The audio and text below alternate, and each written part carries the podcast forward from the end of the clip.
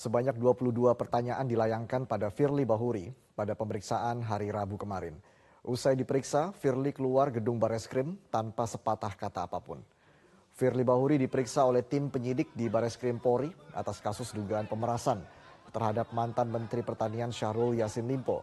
Tim penyidik Polda Metro Jaya mencecar Firly dengan 22 pertanyaan.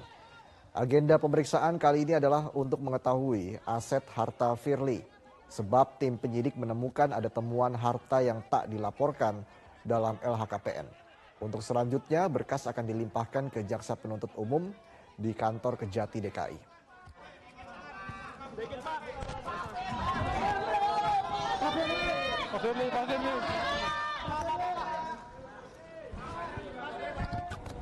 Tujuan dari pemeriksaan ini adalah untuk meminta keterangan terkait dengan harta benda tersangka serta keluarga terkait adanya aset lain atau harta benda yang tidak dilaporkan dalam LHKPN.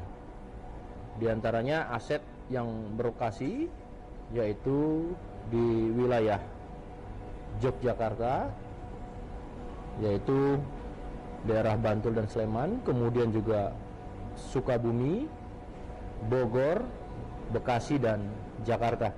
Jelajahi cara baru mendapatkan informasi. Download Metro TV Extend sekarang.